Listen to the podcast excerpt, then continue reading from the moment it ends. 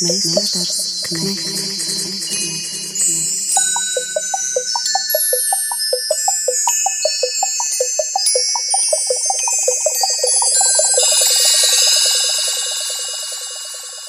Meistars Knechts.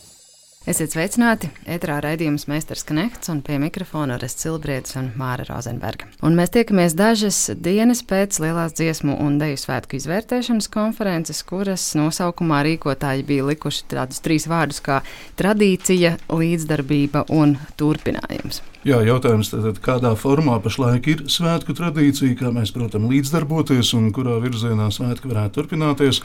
Par to šīs dienas meistara Knekta saruna ar žurnālistēm Aneti Ašmane Vilsona Laumas Pridzāni. Viņas abas bija no tām, kas par šīm tēmām pagājušo nedēļu izveicēja svētku izvērtēšanas konferences dalībniekus. Vēl mūsu sarunbiedrs ir audiologs un uh, mūzikas akadēmijas mūzika tehnoloģija katedras docētājs, arī korists un radio naba raidījuma dziesmu svētku tīklos vadītājs Linards Kalniņš. Un aktieris Vilis Daudziņš, kurš pēdējā laikā ir daudz domājis par dziesmu svētkiem. Mēs par to jau esam arī klasikā runājuši, filmējies kinolentē Zeme, kas dzied, un tur gūtos iespējas arī apkopojis zīmējumu grāmatā pirmie latviešu dziedāšanas svētki bildēs. Sveicināt, mīļie svētku, gribēju teikt, dalībnieki raidījumi raidījuma dalībnieki, un mēs gribējām sākt ar pieskārienu mūžībai un pajautāt, vai tas atbalsojas arī šodienā un nākotnē. Respektīvi, cik lielā mērā jūsu ieskatā dziesmu svētki ir relikts, cik tā ir tradīcija, cik tā ir reliģija, kā mēs dzirdējām no daža laba konferences dalībnieka, cik tas ir mūsu nacionālās eksistences pamatu pamats, cik tā ir dekorācija, cik tas ir festivāls, cik tie ir svētki visiem iesaistītajiem un vai tam visam ir nākotne. Un mēs vēlētos, ka par šo mūžības jautājumu pirmais runātājs būtu Vilis Daudziņš, tas pats pirmo svētku uzzīmētājs. Tad, zināmā mērā, es tajās vadmalās tinies domās pirms 150 gadiem. Un, un tev, tas, tas mūsu tilts no pagātnes uz jā, šodien. Jā, tu būsi mūsu tilts. Sāksi. Jā, labi, labi. Man liekas, ka tas ir mūsu lepnums. Es tā uz to skatos. Un, Nu, tad, izējot no tā, ka tas ir lepnums, tā ir lieta vajadzīga, lepoties der. Man pat ļoti patika šo svētku gājienu moto dižošanās. Jo bez šaubām tautas tērpa uzvilkšana un sava vislabākā parādīšana, nu, tā ir dižošanās. Un, tā tas gājiens arī bija jāuztver, un tā arī šie svētki ir jāuztver. Mēs dižojamies ar to, kas mums ir. Tas ir unikāli, tas ir stilīgi, tas ir skaisti. Tas ir kaut kas tāds, ko cilvēki tiecas piedzīvot, vai nu kā skatītāji, vai kā dalībnieki, gan dejotāji, gan dziedātāji. Mm, protams, laiki ir mainījušies, un par to mēs vēlāk varam parunāt. Kā, kā cilvēki šajā ātrajā laikā, nepacietīgajā laikā raugās uz svētkiem. Jo tradīcija paredz to, ka tas ir kaut kas ilglaicīgs un ka tam ir vajadzīga pacietība nu, tam ir vajadzīgs darbs, kas varbūt ir nogurdinošs, un galu galā tu to rezultātu dabūt tikai pēc ilga laika, šajā gadījumā, piemēram, pēc četriem vai pieciem gadiem. Bet varbūt pa šiem četriem un pieciem gadiem cilvēks jau ir mainījis savu dzīvesvietu, vai varbūt dzīvo pavisam citā valstī. Ir mainījušies notikumi, pasaule ir ātrāka. Tas ir tas jautājums, par ko būtu jārunā. Kā saglabāt šo tradīciju, bet man nav jautājumu, vai vajag saglabāt. Protams, ka jā. Protams, es jūtos ļoti, ļoti klāt pie dziesmu svētkiem. Lauma, tu pasmaidīji pie vārda reliģija. Es domāju, ka tu arī esi mazliet domājis par šo visu, cik tas ir dzīves un kā kūņājis diezgan daudz. Man tā pašai tā svētku vēsture ir diezgan plaša. Sākot no tā, ka es esmu gan dejojusi, gan dziedājusi, gan pēdējos svētkus pavadījusi kā pilnīgs skatītājs un um, vispār nepiedaloties tādā nozīmē. Līdz ar to es teikšu, ka tas viss, ko tu uzskaitīji, arī dziesmu svētki ir. Un tam pāri visam, protams, ir šī tradīcija, bet tradīcija tādā ļoti plašā nozīmē tajā ziņā, ka Es te mazliet piesaušu klasiķus. Tradīcija, manuprāt, var pastāvēt tikai tad, ja viņi pārvēršas. Un tas laikam ved pie tā mūsdienīguma, ka tas, cik mūsdienīgi ir šie svētki, arī nozīmē to, cik viņi var būt un ir ilglaicīgi un ilgspējīgi, ja mēs tādus mūsdienu terminus lietojam. Tāpēc, jā, es teiktu, ka tajā ir mazliet no visa šī iepriekš minētā, tostarp arī reliģijas kaut kādā ziņā, bet tas, kā tas pastāvēs turpmāk un kā tas mainīsies, ir atkarīgs no tā, cik mēs paši šo tradīciju gribam turpināt un kopt. Bet jautājumu par to, vai vajag tādu, tas jau neuzdod. Mhm. Linēta, tev bija viens no raidījumiem ciklā dziesmu svētku tīklos bija tieši par to, ko minēja gan Vilas, gan Lauma, proti par to, vai svētki spēja arī mainīties līdzi laikam un kā svētki izturas pret dažādiem tādiem e, veidiem, kā e, tie varbūt tiek mazliet apsmaidīti labdabīgi. Kāda tev ir tā sajūta personīgi runājoties ar cilvēkiem un domājot par šiem jautājumiem? Svētki tiek līdzi tam, ka mums ir steidzīgs laiks un tā tradīcija spēja mainīties? Mm, es atceros dažus dziesmu svētkus iepriekš, cik ļoti man likās, ka dziesmu svētki ir moderni. Kļuvuši. Viņi bija sociālos tīklos, parādījās, bija televīzijas raidījumi. Man liekas, tieši gatavošanās uz 13 svētkiem. Viss tas līdz tiem svētkiem man likās nenormāls tāds lēciens tādā publiskajā telpā, un cik stilīgus tos svētkus var uztaisīt, un cik interesantus viņus var padarīt arī varbūt cilvēkiem, kas viņos nav iekšā. Tad beigās tie paši svētki bija beigās ļoti gari, un tad cilvēki nogura, un, un tad bija kaut kāds cits atmiņas par viņiem. Bet uh, tur es redzēju, ka tiek. Ah, un tad 18. gada svētkos es, es atceros, man ļoti patika, cik uzmanīgi bija izturējušies pret visām lietām, kas 13. gadā nebija izdevušās. 18. tiešām bija ņēmis vērā. Un tas man parādīja, ka ir kaut kāda attīstība. Noteikti kaut kāda attīstība bija, gan programmas tika saīsinātas, pat tās, kas jau bija izziņotas, vairākas dziesmas bija izņemtas ārā. Es, vadot diasporas koru, atceros, mēs jau šo dziesmu bijām sākuši mācīties, bet tomēr viņi, man viņa arī ļoti patika, tā maska dziesma, ne, bet viņi izņem ārā, un es beigās sapratu, jā, ir kāds, uh, kurš tiešām rūpīgi seko, ka, lai tā programma būtu kārtīga, laba, un tad, tad 23. gads, kur ir ļoti vienkārši super hardcore, konservatīva noslēguma programma, kur ir tikai diriģenti, kas vienmēr ir diriģējuši, dziesmas, kas vienmēr ir skanējušas, un pilnīgi tāda neiešana uz priekšu. Nu, kā, ja neskaita atkal to tīrums, kas, kas parādīja, ka var mainīties un var kustēties. Nu, mēs redzējām abus iespējamos svētku virzienus, gan iesprūšanas virzienu, gan uh, iešanu uz priekšu. Savukārt, ja es varu piebilst, uh, man liekas, ka deju lieluzvedumā savukārt tieši pretēji bija. Es pagājušajos svētkos dejoju, un tā bija Mārzem, un tie bija 18. gada Latvijas simtgades svētki. Tur nu, es vismaz personīgi jūtu to, to simtgades smagumu, kas bija um, iaudies tajā programmā ar tādu lielu, lielu nopietnību par to, ka mums taču ir Latvijas simtgadi. Un savukārt šajos svētkos vai nebija tā, ka tas smagums bija tā dziesmu svētku 150 gadi, ka tās lielās, lielie apaļie gadskaļi ir uzliek mums tādus baigos, un ka mēs nemākam vairs pasmaidīt. Jā, tāda sajūta brīdī radās, un arī, ka mums ir obligāti jāparāda pilnīgi viss pa nogrieznim. Nu, te mums ir tas, te mums ir tas, te mēs tā dziedam, te mēs tā spēlējam, te mēs tā dejojam, viss pa mājām. Un es ļoti labi atceros arī Līnārdu, jā, to, ko tu teici par to saukto modelēšanu 18. gadā, tā bija ārkārtīgi efektīva. Es domāju, tieši tas ļāva nonākt pie noslēguma koncerta, kuru, es domāju, pārspēt būs grūti, ja ne neiespējami. Mm. Anita, no visiem iepriekš minētajiem jēdzieniem, ar ko tev laikam dziesmu svētki visvairāk saistās? Nu, es laikam piekritīšu līdzīgi kā Lapa teica, ka viss tevis minētais ir dziesmu svētki, katram savi un uh, katram citādi. Es uh, pati neesmu cilvēks, kas uh, ļoti iekļautos šajā kustībā. Man nekad līdz galam nav paticis dziedāt korī vai dejot.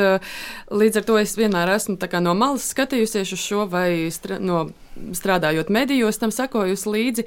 Bet domājot par to dziesmu svētku fenomenu, man liekas, nu, būt vai nebūt, tur noteikti nav jautājumu. Jo, ja mēs paskatāmies nedaudz no malas, tad nu, kas tad mums vēl Eh, kā latviešiem, kā Latvijas eh, nācijai, ir tāds notikums, kas mūs tik ļoti daudzskaitlīgi saved kopā.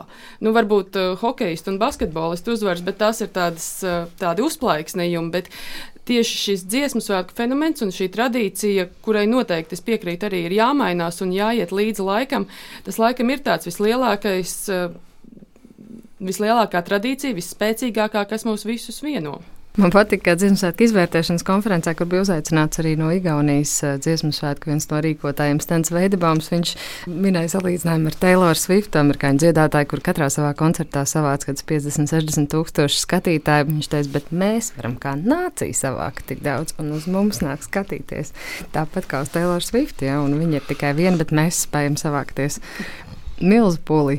Tas tā par to moderno pieskārienu. Jā, tas salīdzinājums ir spēcīgs, bet ja mēs tagad nonākam pie tā, ka tā ir lieta, kas ir jātur un jāuztur, vai var pajautāt tā pavisam konkrēti, kā jūsu ieskatā, nu tā tīri teorētiski, vajadzētu par to rūpēties valstī un kā par to vajadzētu rūpēties pašvaldībām? Es teiktu, ka tur ir gan, gan protams, iesaiste. Skaidrs, ka valsts nevar nodrošināt uh, visu kolektīvu darbību, un uh, skaidrs, ka tikai uz pašvaldību pleciem tas arī nedrīkst būt.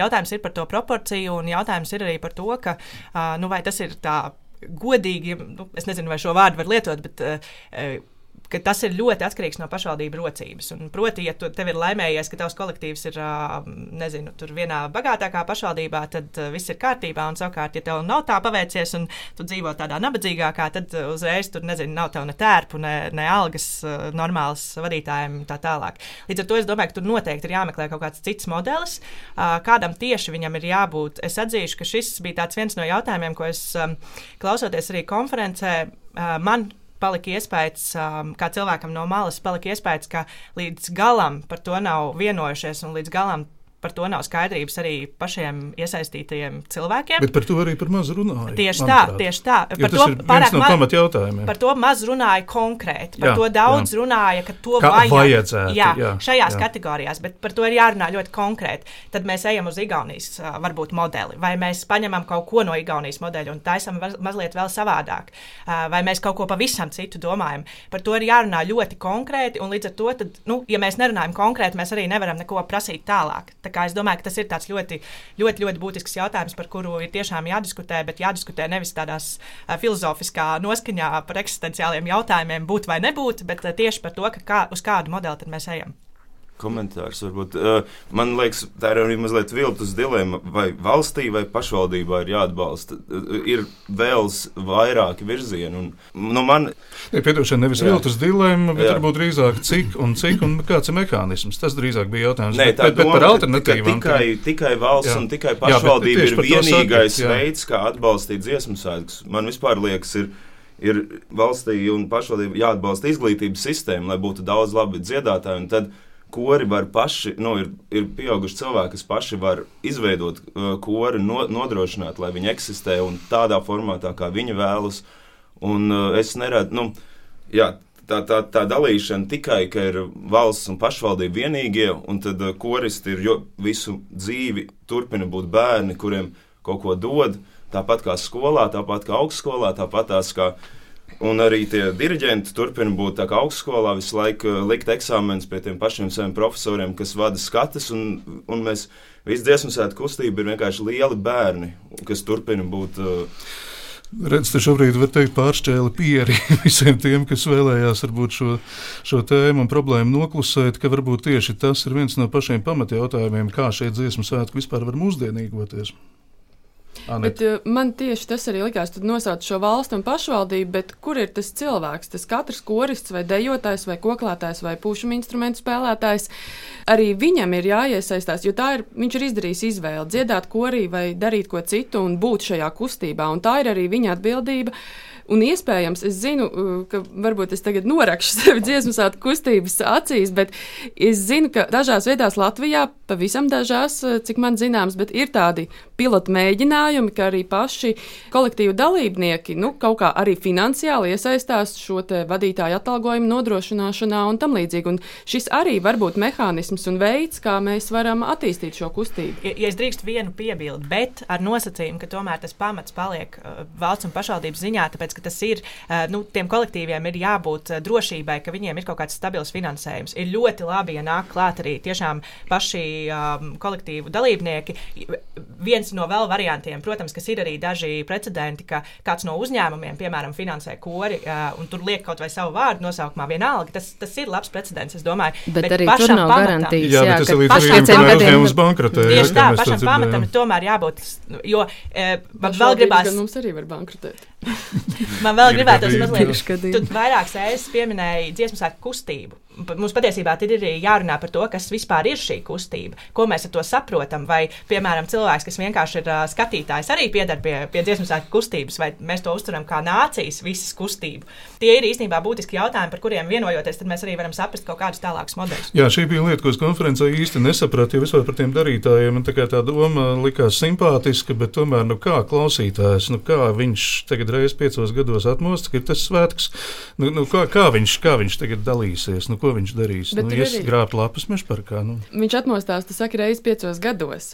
Bet uh, kori koncertē sezonas laikā, katrs koris noteikti taisa koncerts, tāpat arī deju kolektīvi. Nu, tad paskatāmies tā objektīvi šo, vai mums interesē šis rezultāts reizi piecos gados, vai mēs tiešām Mūs interesē šie kormūzikas koncerti, deju kolektīvu koncerti. Tas, ko sauc par šo dziesmu sāku procesu. Procesa, jā, jā, gaitā. Jā, mēs nākam pie novadu svētkiem un pie sadziedāšanās svētkiem un pie ne visa, tikai. kas notiek. Nu, redz, tas ir jautājums, jā, kā traktē šo dziesmu deju svētku kustību, vai tie ir kaut kādi nu, konkrēti pasākumi, kas ir kalendārā piecu gadu garumā no organizatoru puses, no Nacionālā kultūras centra puses, vai mēs skatāmies uz dziesmu deju svētku kustību kā tādu kustību, kurā mēs visi gribam piedalīties, jo mums patīk dziedāt, dejot, spēlēt putekļu orķestrī, spēlēt nu. kokli.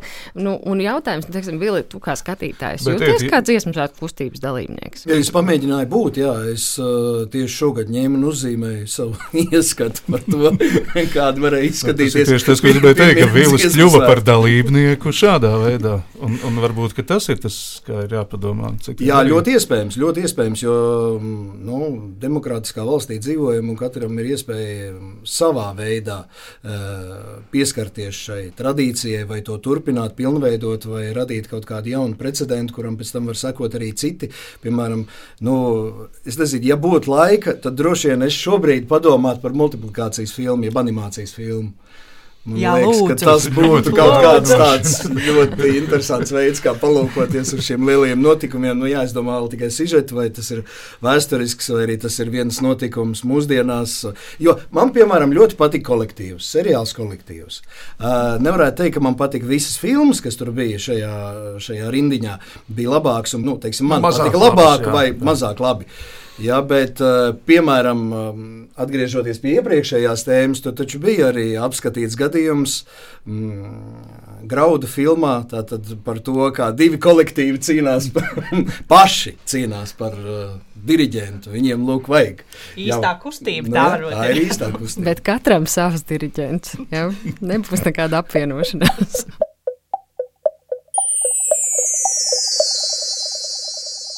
Es nezinu, vai, jā, vai pie tā ir jāatgriežas, bet vienkārši saistībā ar iepriekš runāto, man liekas, ka tomēr vēlos pateikt, ka nebija ļoti simpātisks uh, konferences sākums 2. novembrī ar uh, ceļu policistu, kurš apstādina kultūras ministri, uzdod jautājumus, uz kuriem viņa varbūt arī īsti nav gatava atbildēt. Jautājums, vai vispār viņai vajadzēja uz to atbildēt, jautājums, vai arī vajadzēja viņai to jautāt. Un sekoja šī gaismas pilsēta akcija Un es laikam nebūšu no tiem, kurš teikt, ka ar asarām acīs tajā brīdī skatījās, cik mūsu skordiriģenti vienoti. Kontekstam piebildīsim, tātad runa ir par pašu konferences sākumu. Kultūras ministri ir pateikusi savu runu, un tajā brīdī, kad viņi dodas no skatuves, mikrofons tiek izņemts viņai no rokām, un tiek uzdots jautājums par to, vai algu palielinājums um, amatieru kolektīvu vadītājiem būs nākamā gada budžeta prioritātēs. Un tad sāks uh, skanēt gaismas pils. Kāds bija jūsu sajūta šo vērojot, kas no jums to redzēja? Es biju klātenī telpā, bet bija nu, divas reizes Mārtiņš Kliešāns pajautāja, viņš tā kā iedeva viņai iespēju vispirms pateikt to garo versiju, tad viņa teica, nu, runāsim, skatīsimies, un tad viņš pajautā, vai jūs par mums cīnīsieties. Tā kā emocionāli telpā, lai visi tagad gaida, nu, kad viņi teiks, es par jums cīnīšos. Pat, Bet, diemžēl, viņi varēja pateikt tikai mēs pie tā strādājam. Jā, bet viņi varēja pateikt, man bija, nu, es biju nobijies, ka tas varētu būt vēl, vēl agresīvāk, to varēja vēl briesmīgāk izdarīt, bet tā nav latiņa. Nu, tā kā klišāns to izdarījis salīdzinoši emocionāli inteliģents, bet pati tā ideja nebija līdz galam laba. Liekas, jā. bet tomēr tā bija liela publicitātes akcija. Jā. Tas bija tas, kas pēc tam no šīs konferences bija visās ziņās. Un nenoliedzami jautājums par algām tika aktualizēts. Par to bija atsevišķi sižeti, un, un tas tika skaidros, par ko tad ir cīņa. Lāma. Es tieši gribēju tieši šo pašu repliku teikt, ka Vai tas ir labākais veids, uh, par to var strīdēties, bet tas ir veids, kā varēja tajā brīdī, nu, dejotāji droši vien tur nevarēja kādu deju sākt, bet nu, kādu dziesmu tur varēja sākt un ar to pievērst uzmanību un tiešām to padarīt tādu košāku šī vārda, tādā nu, pamanāmāku uzreiz šo jautājumu pašu. Vai tas bija pareizākais veids? Jā, es laikam arī nebūšu pie lieliem, nepieskaitīšu sev pie lieliem faniem, bet es piekrītu tam, ka to kaut kā vajadzēja izcelt. Un atzīsim, ka tās sākotnējās runas, tieši konferences sākums, viņš mazliet bija tāds līdz, es teiktu, līdz Igaunija uzstāšanās brīdim. Viņš bija mazliet iemidzinošs, tāpēc, ka mēs jau patiesībā lielu daļu no šiem faktiem zinām, visi, kas seko līdzi.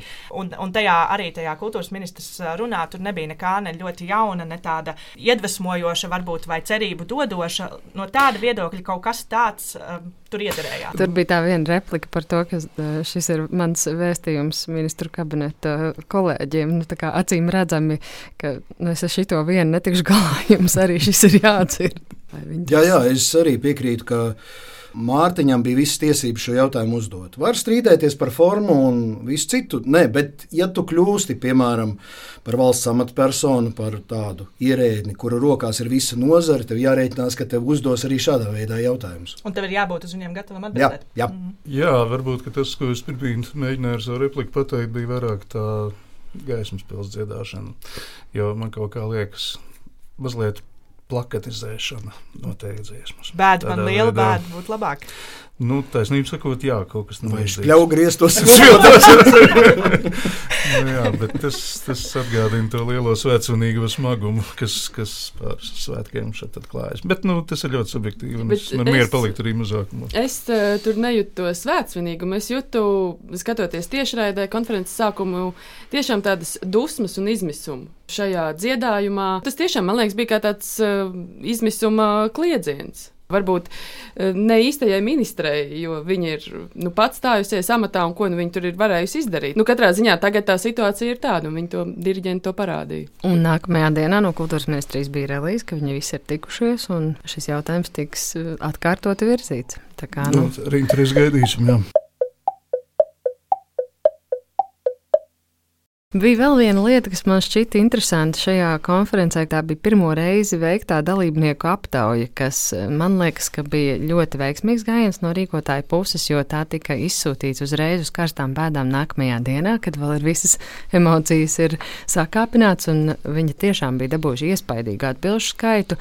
No 40 tūkstošiem bija atbildējuši vairāk kā 4 tūkstoši, respektīvi vairāk kā 10%, kas ir, nu, statistiķi saka, ļoti labs rādījums, un viņu prāt, viena viena no lielākajām aptaujām, kādas vispār ir Latvijā veiktas par kaut ko. Un, uh, tur bija daži tādi ļoti interesanti dalībnieku rezultāti. Mēs arī esam jums iedavuši paskatīties. Man uzmanību pievērsa tas, ka šajā reizē ļoti izteikti bija tā atšķirība starp dejotājiem un dziedātājiem tajā apmierinātībā ar svētku norisi, ka dejotāji bija visapmierinātākie un koristi visneapmierinātākie. Vai mēs to varam norakstīt uz to, ka vienkārši koristi, kā dejotāji mēdz teikt, ir tādi neizturīgāki čīkstuļi? Vērojot svētkus, kādas jums radās pārdomas? Varbūt tas negatīvais vērtējums vairāk trāpīja noslēguma koncertam. Jo tīri saturiski, mākslinieciski, patiešām ar deju svētkiem viss bija kārtībā. Un ar noslēguma koncertu es skatījos kā vienu tā otru. Tas bija brīnišķīgs. Savukārt ar noslēgumu koncertu Mežparka estrādē, nu jā, Nu, tas vienkārši bija ārkārtīgi garš. Un atkal, jau atgriežoties pie gaismas pilsētas, bet tikai tā koncerta kontekstā, es pirmo reizi eh, pats jutos noguris un ieraudzīju, ka uz estrādes ir noguruši dziedātāji, kuri neprasa gaismas pili vēlreiz ko parasti jā, vienmēr prasa. Šī, šī ir otrā svētki, kuros neprasa otrais. Jā. Jā. Mm. Dīvainā kārtā arī 18. gadā nu, tā bija vienkārši mākslinieciska neveiksme toreiz, bet šoreiz varbūt arī nogurums. Jā. Nu, līdz ar to, ja ir tāds nogurums, nu skaidrs, ka tas vērtējums uh, būs negatīvs vai vairāk negatīvs.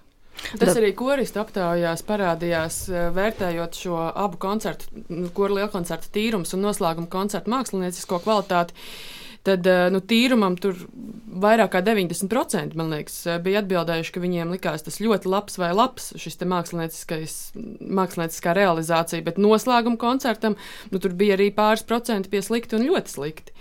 Es piebildīšu, ka tīrumam tika rīkots koncepcija konkurss, kur bija pieci konkursanti. Ar noslēgumu koncertu nu, tā koncepcija, kas tika īstenot, nebija konkursu kārtā izraudzīta. Jā, bet mēs varam uzdot arī vēl vienu jautājumu par producentu klātbūtni, par producentu atbildību un, un to, kā vispār producents ienāk dziesmu svētkos, kā satura virzītājs. Šo visu savākot kopā, pirmā lieta, pie kā mēs varam nonākt, ir tas, ka šis emocionālais pacēlums un tas, vai saturs dalībniekiem patīk, nozīmē arī to, vai viņi spēj to izturēt lielā mērā, vai viņi to iztur ar prieku, vai viņi to iztur.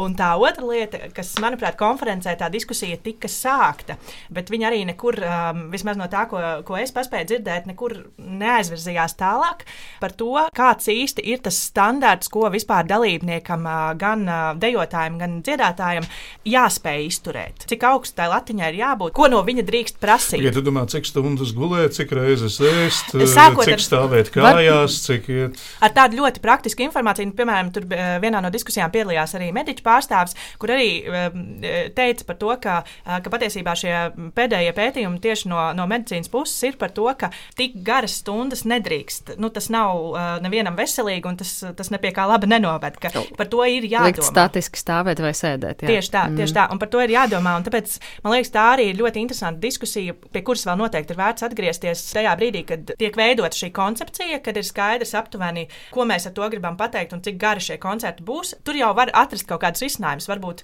kaut kādā brīdī šis sastāvs nomainās, vai, viņš, vai cilvēki drīkst apsēsties. Nu, vienalga, tur noteikti var nu, kaut kā to atrisināt. Nu, bet varbūt arī nevajag mēģināt parādīt visu, bet, ko mēs mākam. Bet man liekas, ka šī ir tā interesantā lieta, jā, ka tas zelta fonds gan dziesmās, gan dejās, gan citās nozarēs jau ar katru reizi kļūst ar vien lielāks, tāpēc, ka katros svētkos vai katros otrajos vismaz kāds skaņdarbs kļūst par tādu, ko gribas atkārtot nu, nākamajos. Šīs tad... reizes jaundarbi no tīruma, es domāju, par tādiem nekļūst. Bet tomēr viņu ir vairāk nekā bija vēl pirms gadiem, nu, protams, 10 un 15. Vēstures bagāža un kultūras bagāža kļūst ar vien milzīgāka. Līdz ar bet... to ir jākļūst ar vien nu, nežēlīgākam pret to repertuāru atlasi, lai nebūtu tā, ka kāds teicu, producents, gudrs mm. producents, kurš māk pārskatīt. Es zinu, ka es ar šo tēmu tagad iejaucos aptaujā, mums vajadzētu pabeigt aptaujas tēmu, vai ne?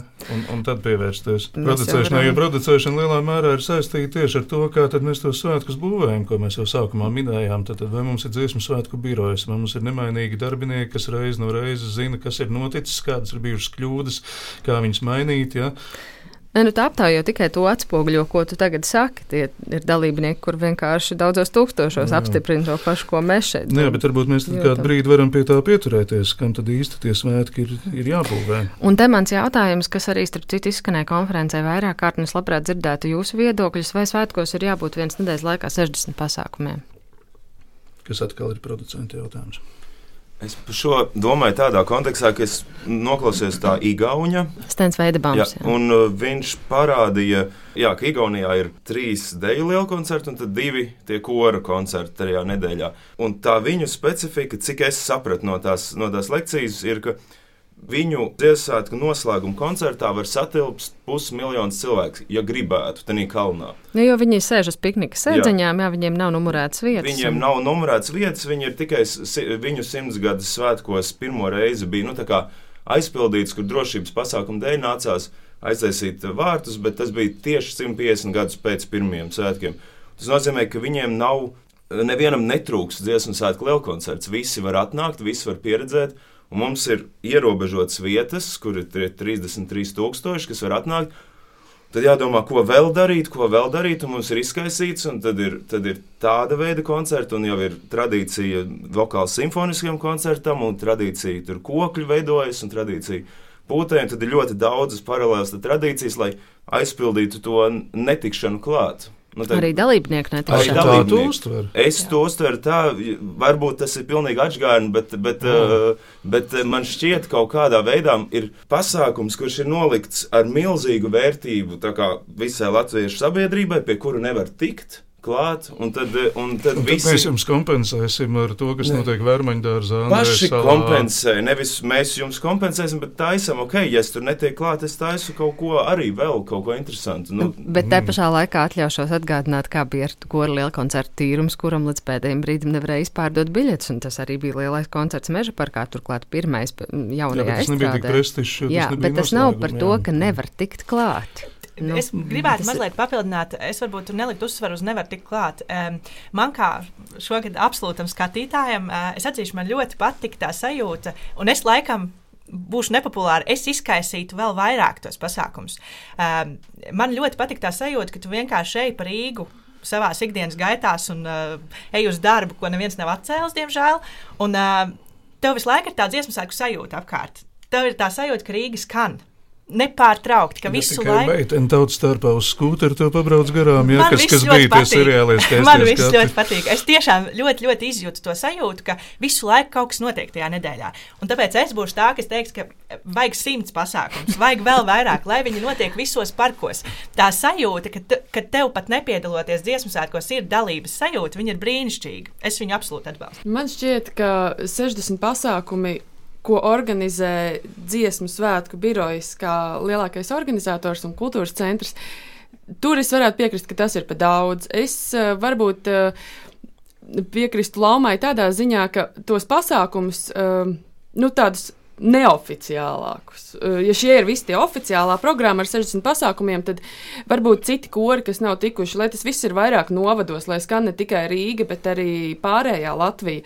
Tā man pietrūkst, man šķiet, un es nezinu, vai šie 60 pasākumi to visu nodrošina. Interesanti, vai tas nav tas līdzdarbības vārds, kas bija viens no konferences arī nosaukumā ietvertajiem par to, nu, vai mums visu noliek priekšā gatavi, vai mēs paši. Tos vairāk darītāji arī tie, kas nedzied, nedejo, nepūš. Vai tie, kas ne, neskaitās šajā kustībā, mans vienmēr mīļākais piemērs ir par sieviešu deju kopām tādu ir daudz Latvijā. Mm. Viņas mm. dejo, un ne tikai līnija dejas, bet viņas neskaitās deju svētku kustībā. Jā. Es atceros, ka es braucu Mērsragā pie vienas sieviešu deju kopas, un Mērsrags to gadu nepiedalījās vispār svētkos. Viņi mazs novads bija, un viņi, viņiem vienkārši nebija kolektīvi, kas varētu to atlasi izturēt, bet viņiem bija kolosāla sieviešu deju kopa. Viņas teica, nu nav mums tie veči, viņi tur visi vai nu brauc jūrā, vai vienkārši negrib dejot, bet ja mums vajag tos večus, mēs uztaisam no salmiem, uzvelkam viņiem tērpus un dancojam ar viņiem. Tas ir kā stingam, te dancelauda.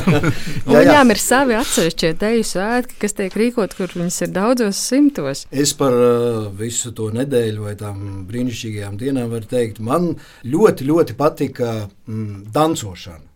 Tas, ka bija Vērmans dārzā un bija pie esplanādes, un man likās, varēja mierīgi katru vakaru. Nevis, nu, tas bija tāds viens vakars. Protams, kur arī no malas var. Uh, nu, pulksten 11, jo pēc pulksten 11, nu, tad trokšnot vairs nedrīkstam, un nekā, nu, taisni gribējās vēl padancot. Man liekas, ka tur tomēr uh, Rīgas domai būtu jādomā par to, ka... Šeit nedēļā ir citi noteikumi. Jā, jā, šī, citi, jā. citi pulksteņi un citi noteikumi. Un līdz ar to arī, es domāju, ēdināšanas uh, iestādes visādi restorāni un bāri varētu strādāt ilgāk un arī virtuve viņiem varētu būt ilgāk, jo tā vispār ir tāda liela problēma Rīgā, ka naktī nav kur paēst. Nu, tas ir cits tēma, bet tas tā vienmēr ir bijis. Tā tāda problēma ir vienkārši mums tāda liela problēma. Ja ierodas cilvēki no ārzemēm, tad viņi ir apjukuši. Ko tad vispār cilvēki dara naktī? Viņi nevar naktī, jā, viņi jā, jā. no rīta pie brokastīm tikt. Bet, nu, bet bija lielā zaļumbala, diemžēl nebija, bet runā, ka baigi foršā bija.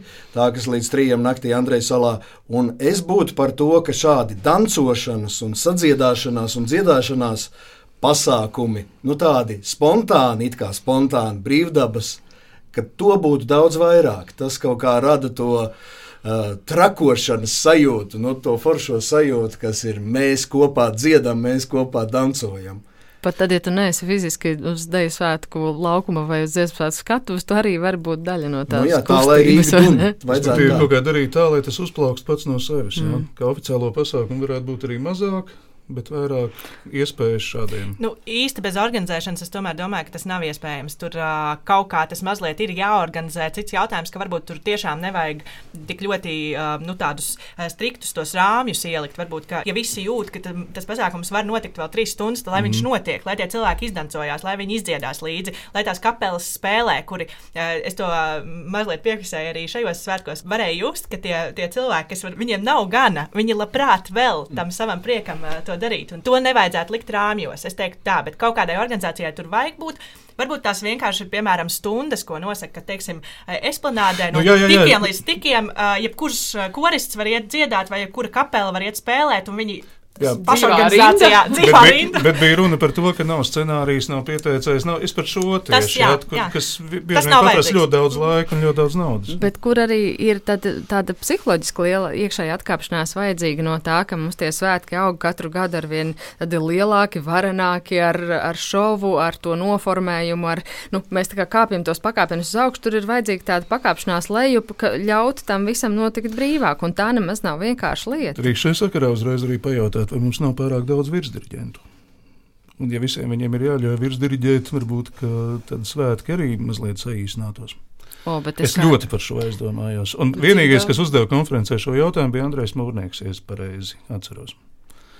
Kas man liekas ļoti būtisks jautājums, kas ir virsdiriģents un kāpēc mēs cilvēkam šo statusu piešķiram? Es eh, piekrītu, un es vēl mm, to paturpinot, arī teiktu, ka arī no Andreja Mūnieka, laikam, tas, tā, tā frāze, kas man visvairāk aizķērās eh, un kas man palika īstenībā no šīs, eh, šīs konferences, kā tāds vadošā sajūta, ka viņš vienā brīdī uzdeva šo savā ziņā jautājumu, savā ziņā kā tādu novēlējumu, ka vajag vairāk eksperimentēt. Kāpēc jums, jūs neļaujat šajos svētkos notikt eksperimentiem? Vai tā brīdī, kad Jānis Purviņš gribēja viņu nogalināt? Jā, tieši šobrīd.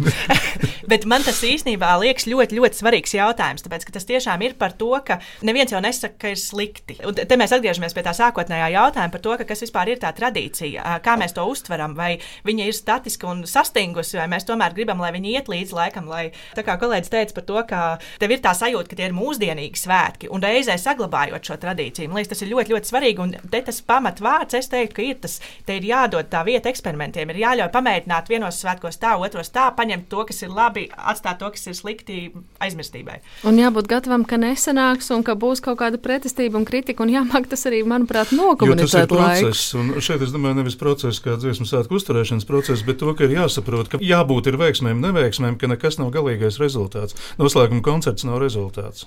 Tā arī ir daļa no ritējuma. Varbūt es Jā. varu ja, komentēt. Ja.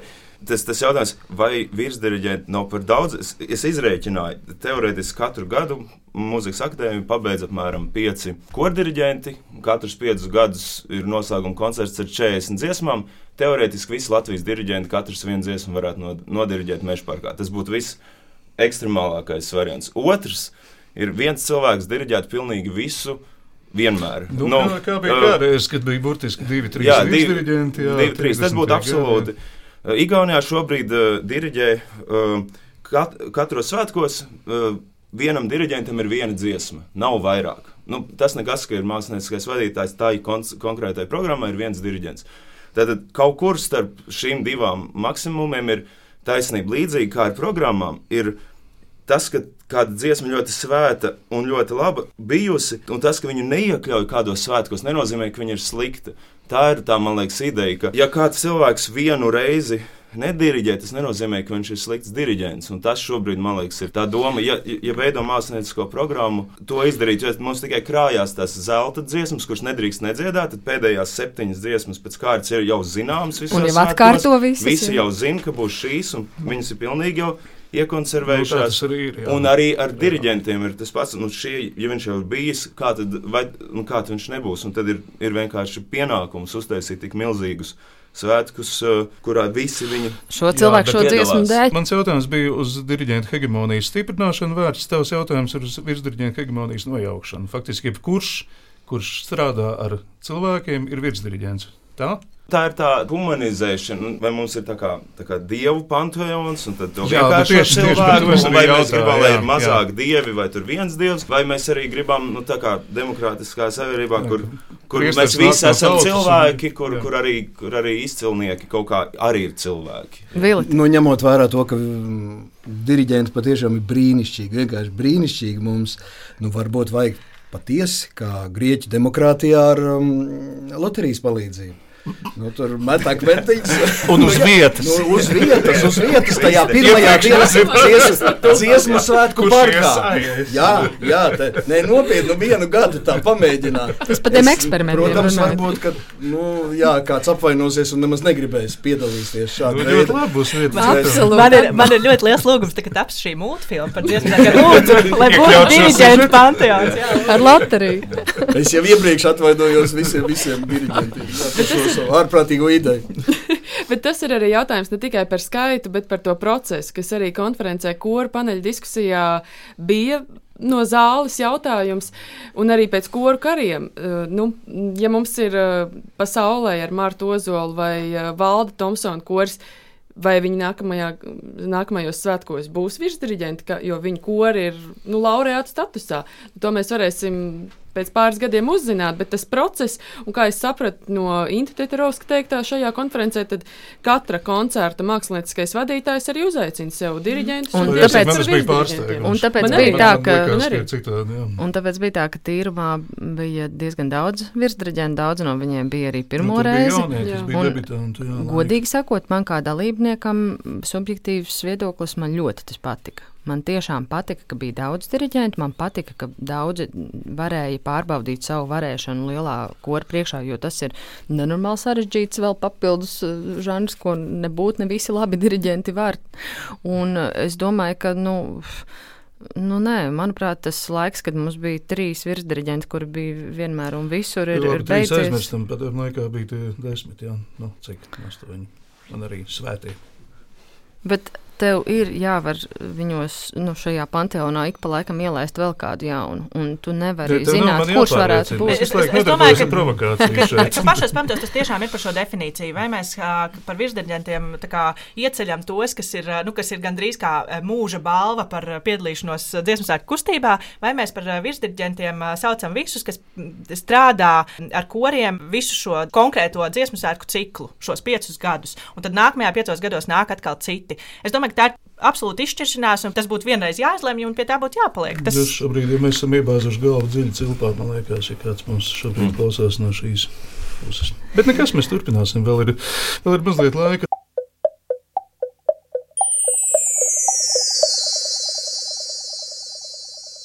Redzījumā Mēsters Knekts, Mārs Rozenbergs, Noris Silbrieža viesi, žurnāliste Sanita Ašmena Vilsone un Lāmas Pridzāna, aktieris Vils Daudziņš, dialogs un vēl daudz kas Lināts Kalniņš.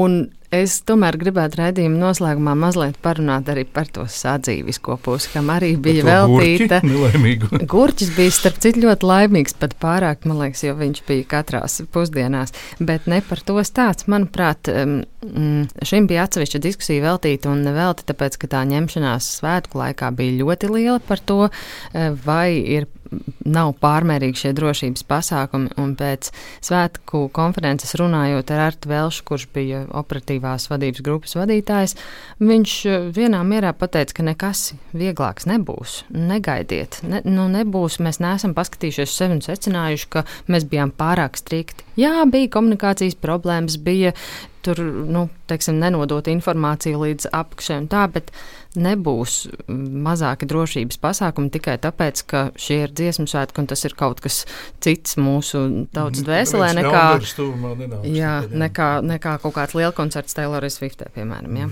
Un, tad, jā, un, un, un turklāt viņš pieļāva pat domu, ka, ka tas varētu pat būt vēl striktāk, ja kaut kāda apdraudējuma pieaugs. Jautājums ir, nu, vai mēs esam gatavi un kā es varam psiholoģiski šim noskaņoties un kā to integrēt tajā svētku sajūtā. Viens komentārs uh, atkal par to Igaunu, kurš, kurš man tik ļoti tā lekcija patika, bet, bet uh, viņš arī stāstīja par ēdināšanu, ka Igaunijā uh, dziesmu saita dalībniekus ēdina brīvprātīgās sievietes, brīvprātīgās sievietes militāro mācību ietvaros. Mm -hmm. Ka vienkārši dziesmu svētku organizēšana visos līmeņos ir vienlaikus arī valsts militārās apmācības, kurā tiek. Uh, Vai mēs spējam pēkšņi ne, nezinām daudzumu cilvēku pabarot, vai mēs varam visas šīs lietas tiek izmēģināt dziesmu svētkos, visas tās kapacitāšu augstākās uh, spējas. Mēs pārbaudām visas televīzijas, cik mums valstī ir kameras, cik mums valstī ir, ir jā, brīvprātīgie. Visu to mēs pārbaudām dziesmu svētkos. Tas, man liekas, uz to ir, ir jāskatās atkal atgriežamies pie vārda eksperimentu lauks, dziesmu svētki. Bet uh, es gribētu teikt ļoti eh, elementāru lietu. Man liekas, viss kārtībā. Ja drošības iestādes saka, ka tiešām tiem um, drošības noteikumiem vajag būt tik stipriem, viss ir labi. Jautājums ir par to, kā tad tu iedod šo alternatīvu. Nu, sāksim ar to pašu ūdeni. Ja tu esi pateicis, ka tu neļausi ienest pudeles ar ūdeni, dziesmas ar strādāt, tad kāpēc organizatori viņas dod? Tad nodrošiniet gana daudz šos um, ļoti patīk šis vārds brīvkrānus, um, lai viņu ir tiešām tik daudz, ka visiem pietiek, ka nevienam šīs pudeles nevajag, katrs nāk ar savu tukšo pudelīti un viņi piepilda dziesmu svētku estrādē. Elementāri. Jā, Oficiāls termins. Nu, es domāju, ka šīs visas tās praktiskās lietas ir šādi viena pēc otras jāatrisina. Okay, mums tātad drošības noteikums ir tāds, ka nedrīkst darīt šo, tad kā mēs to nodrošinām, ka cilvēkiem ir pieeja šai lietai. Un, ja mēs tā soli pa solim iziet tam cauri, tad es domāju, ka viss būtu kārtībā, ka tās visas lietas nedrīkst ienest. Jā, man arī nav iebildumi par to, ja tiešām jomas eh, speciālisti un drošības eksperti saka, ka tā vajag, tad nu, es neesmu tas, kas var viņiem strīdēties pretī. Un es domāju, ka arī koristi nu, tur aiziet vienkārši tālāk jautājums par to noslodzi, par to plānošanu. Ja viņiem vajag to maizīt pa vidu mēģinājumam, tad tas ir. Nu, tas ir jāsalāgo, bet ne jau apšaubot tās drošības prasības. Bet, kā teica viena no diskusijas dalībniecēm, kurš šķiet arī pēc svētkiem bija ierakstījis Facebookā kā ļoti, ļoti populāru ierakstu pret šiem ierobežojumiem, ka viņi bija jutusies, ka tiešām tādā ļoti policijaskā valstī dzīvo, ka katra ierobežojuma rada pretkustību un vēlmi viņus apiet. Cevišķi, cilvēks īsti līdz galam nesaprot, kāpēc tas ir vajadzīgs.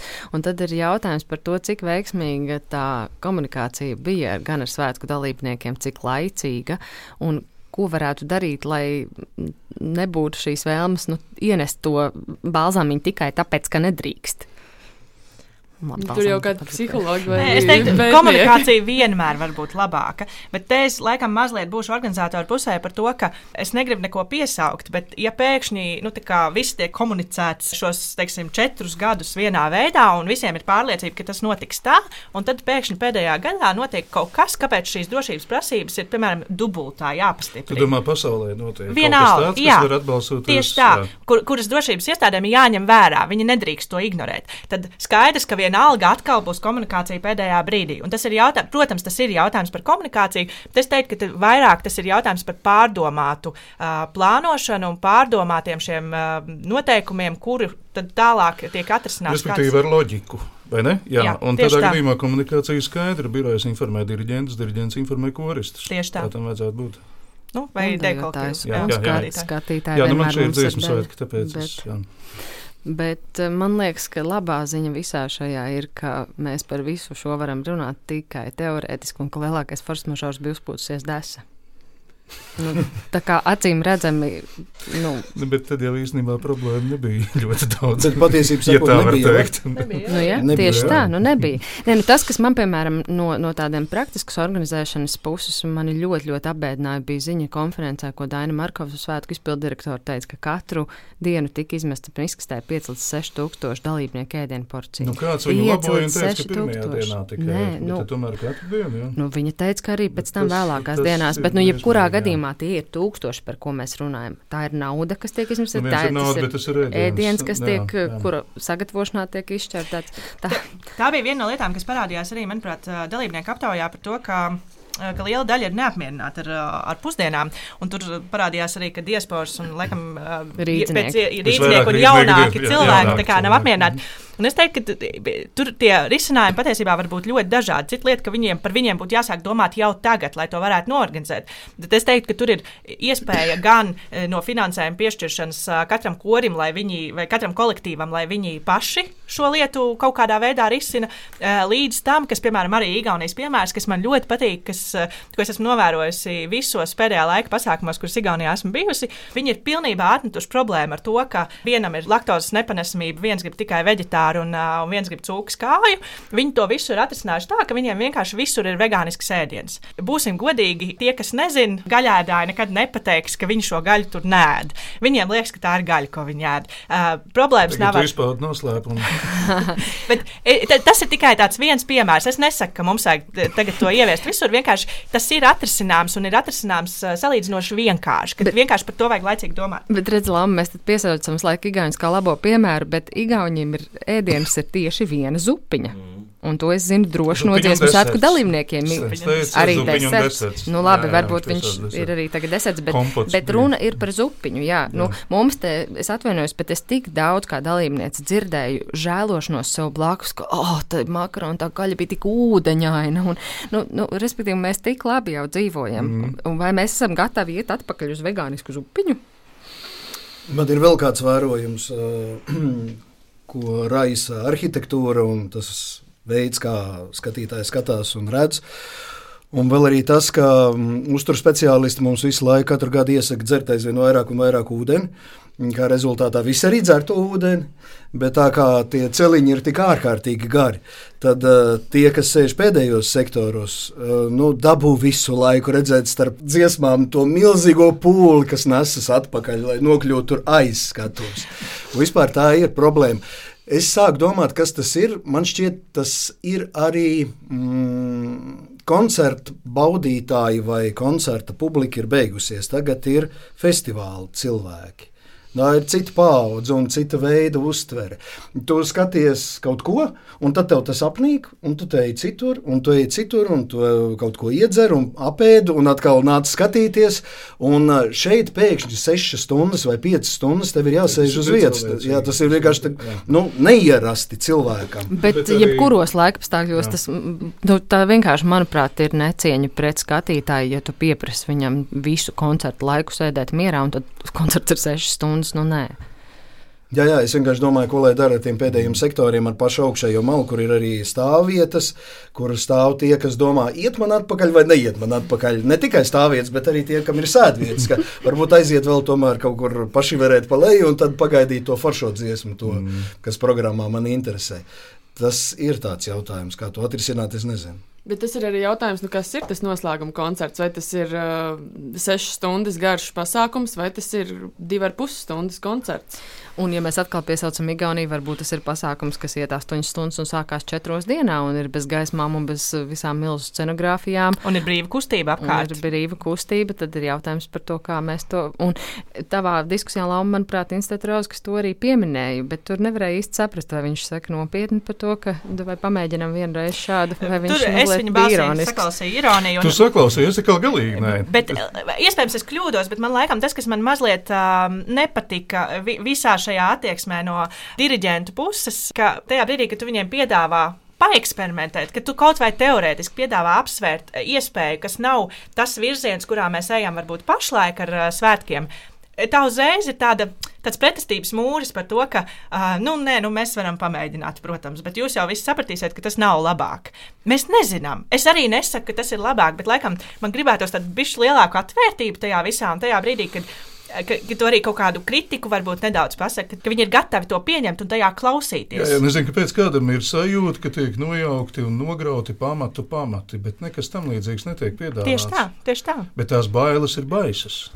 Es varu izstāstīt vēl vienu uh, piemēru. Uh, raidījumā dziesmā tīklos bija atnācis Arnolds Klotiņš, kurš stāstīja, ka viņam bija bailes, ka dziesmētki varētu izčābēt pēc tam, kad uh, 90. gados kori sāka dziedāt ne tikai dziesmātu repertuāru, bet katrs koris, ko grib savas programmas taisīt. Nu, bet tā arī bija dziļa bedra 93. un 98. gada. Sāk. Es to ne, neatceros, Jā, bet viņš atceros. stāstīja, ka viņam tās bažas bija, bet izrādījās, ka, ka tagad var savienot. Nu, tā, ka, ir pamats, bet, mm. bet dziesmāt joprojām notiek, un kori var paralēli savām darbiem vēl kaut ko citu dziedāt. Un, un tas nozīmē, ka ir jau vēsturiski bijušas bažas, viņas ir pierādījušās mazāk, varbūt uh, stipras kā likās. Vēlāk... Respektīvi, tu pastiprini viņa ideju par festivālu tagad. Kuru? Kaut kādā ziņā. Nē, nu par to, ka dziesmu svētki tomēr var būt pēc būtības kļūs vairāk par festivālu nekā par ceremoniju. Nu, ja viņi ir astoņas stundas gari, tad katrs Nav cilvēks var atnākt uz divām nu stundām, nu, uz nākamajām divām. Jā, nu, tieši, tas ir tas pamat jautājums. Ja? Ceremonija, festivāls, svētki, Es varbūt mazliet papildinot, es arī teiktu, ka, jā, ka tie, tieši tā, ka tas ir pirmkārt par to virzienu, bet otrs arī ir, uh, mēs varam, protams, tagad stingri iestāties pozīcijā, ka nē, mums tagad tā jaunā paudze jāaudzina, viņi neko nesaprot, viņi tur izauguši festivālos, uh, tas viss ir galīgi garām, kā viņi klausās koncertus. Mēs varam iziet no šādas pozīcijas, bet uh, tas nerisinās problēmu, ka viņi sēdēs un pēc stundas sapratīs, ka viņiem vajag uz toleti, jo viņi pirms tam ir sadzērušies ūdeni. no brīvkrāna. Nē, no brīvkrāna. Tieši tā. Es, tas, ko es mēģinu pateikt, ka mēs varam ignorēt to realitāti, bet mēs varam arī saprast, ka tā tas ir. Ne, mums jārēķinās, ka viņa ir šeit. Tieši tā, tā un ko mēs ar to darām. Mēs Jā. varam iebāzt galvas miltīs, bet mēs varam arī izdomāt veidu, kā vienalga varam ar cieņu izturēties pret, pret koncertu. Un tā ir tā viena replika, uz kuras arī negaidu nekādu reakciju, bet ko man ļoti tomēr gribas pateikt, skaļa baiva Moļņika, manuprāt, teica ļoti būtisku lietu par ģimenēm. Kad cilvēks sākas ģimenē, šo likumu neviens nav atcēlis, un tas ir visa kodola tēlos, un tā ir viss izcelsme. Pēc tam seko izglītība, pēc tam seko korim, vēl nezinu kas, bet ģimene ir visa sākums. Un kaut kādā ziņā tas sabalsojas ar to, ko tu Lauma teici, nu, ģimene, jā, Bet tas cilvēks, kāds viņš aug mūsdienās, mums ir jāredz, kāds viņš ir. Un vispirms tas ir jāredz ģimenē, un tad tas atbalsosies arī sabiedrībā, un koros un vēl kur. Un tad mēs būsim gatavi varbūt pārmaiņām. Nu jā, bet redziet, tradīcija arī paredz respektēt to, kas ir bijis. Pretējā gadījumā tā nav tradīcija. Tas visu laiku ir tāds nemitīgs process, nu, bet to procesu arī var, mēs varam saukt visādi. Varam arī vairs nesaukt par dziesmu svētkiem, bet par dziesmu festivālu. Nu, negribas man saukt par negribas, bet tas nozīmē, ka ir jābūt kaut kādām nemainīgām lietām, pie kurām es noteikti piesauktu to, par ko Ilza Baloda ļoti emocionāli un arī vienlaikus ļoti konstruktīvi runāja par karogu. Ļoti piekrītu. Var būt daudz kas citādi, var nebūt daudz kas, bet ja nav karoga, nu, tad nav īsti svētku. Vispār par tiem svinīgajiem simboliem, pavisam īsi. Es domāju, ka tas ir ļoti svarīgs moments, kuru, kuru nedrīkst aizmirst, kuram ir jābūt vienmēr izceltam. Tur es ļoti, ļoti. Un tā ir tradīcija, un tad ir tā, tā dzīsliņa, ja, kas, kas iet cauri, un pārējais var būt mainīgs. Un arī nevajag jau saukt to par dziesmu festivālu. Tie jau ir dziesmu svētki. Un svētki arī nenozīmē vienkārši akadēmiskas mūzikas koncertu. Svētki ir nu, mēs katrs noteikti arī citādi svinam, vai kā, bet tie tomēr ir svētki. Tas nav vienkārši koncerts tajā ikdienas izpratnē. Un tieši tā pārdoma man noslēdzot šo raidījumu, laikam palika visvairāk no šīs eh, izvērtēšanas konferences, jo atkal un atkal no skatuves skanēja svētku rīkošana ir jāsāk tagad tagad, kad ir tikko beigušies iepriekšējie svētki. Un tieši to pašu teica pēc 2018. Jā. gada konferences. Jā. Un uh, tas ir tā, ir tā izpratne par to, kas ir dziesmu svētki un svētku kustība tajos, kas viņus rīko, iepratīm tajos, kas dod naudu vai neiedod. Jo runa ir par to, ka Nacionālajā kultūras centrā būtu jābūt regulāram darba vietām, kurās šis svētku rīkotāju kodols, kas šajā gadījumā tika pieaicināts tikai gadu un trīs mēnešus pirms svētkiem, kas šāda mēroga pasākumu nu ļoti maz, eh, būtu pastāvīgs. Un, un tad būtu arī stāsts par producentu, kurš eh, noliek visas radošās idejas pareizajos plauktos un savieto. Un spēja ievirzīt jā, mākslinieckās koncepcijas arī realitātes virzienā un ka ir šī svētku pārmantojamība. Cik man ir zināms, tad vismaz eh, daļa no svētku rīkotāju komandas tagad dosies uz valsts izglītības satura centra paspārni rīkot eh, skolu jaunatnes dziesmu un deju svētkus. Un tas arī ir vēl viens jautājums, kur gan es sadzirdēju, ka ir kaut kāda laikam kustība, ka tomēr beidzot būs viens un tas pats Tā rīkotājs. Kaut tādu, jā, mm. kaut kas tāds ir dzirdēts jau no pavasara laikiem, bet laikam nekas tāds nav noticis vēl. Nu, droši vien, ka ne, ne attiecībā uz nākamajiem svētkiem, bet jā, tas, ka tas, ka svētku rīkošana arī ir process un nevis tikai tāds kampaņu veida pasākums īsu laiku pirms tā, laikam, ir tā lielākā izpratnes maiņa, kuru gribētos sagaidīt. Kurš jūtas kaut ko nepateicis? Es jūtos nepateicis, lūdzu, atceliet man priekšlikumu par loteriju. Es pēkšņi. Nedomā, es, pēkšņi... izgriezīšu es, es, es pēkšņi izdomāju, ka, ja pieci aktieri ir sagatavojuši vienu lomu, pēc tam viņiem loterijas ceļā jānoskaidro, kurš spēlēs. Es sapratu, ka es negribētu. Jā. Bet tas, ko es no šīs mūsu sarunas paņemu līdzi, man liekas, tā ir ļoti laba doma par to, ka ir jāspēj pašorganizēties ir jāspēj pašiem saprast, cik tas pašiem ir vajadzīgi, pašiem veidot gan korus, gan deju kopus, gan meklēt tos uh, un cīnīties par, par mm, diriģentiem. Tā tomēr ir tā tradīcija, kas mums nāk no jaunatviešiem, no tā laika, par kuru es zīmēju bildītas.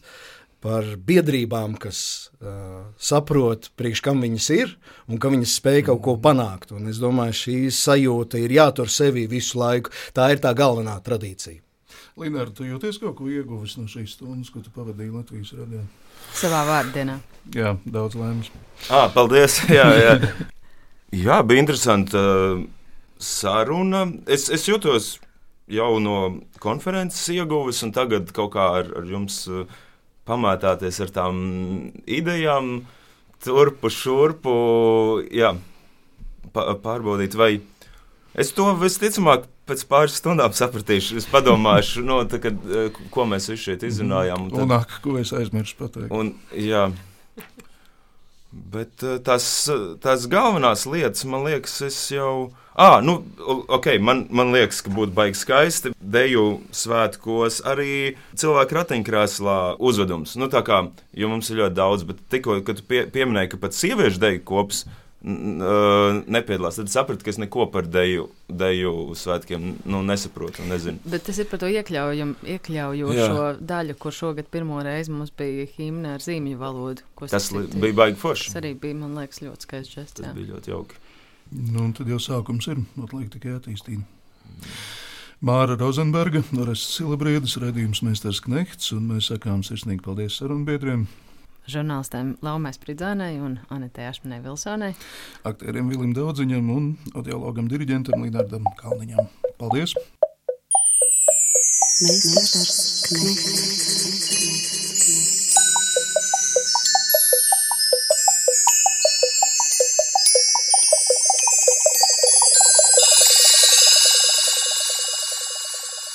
Meistars Knechts.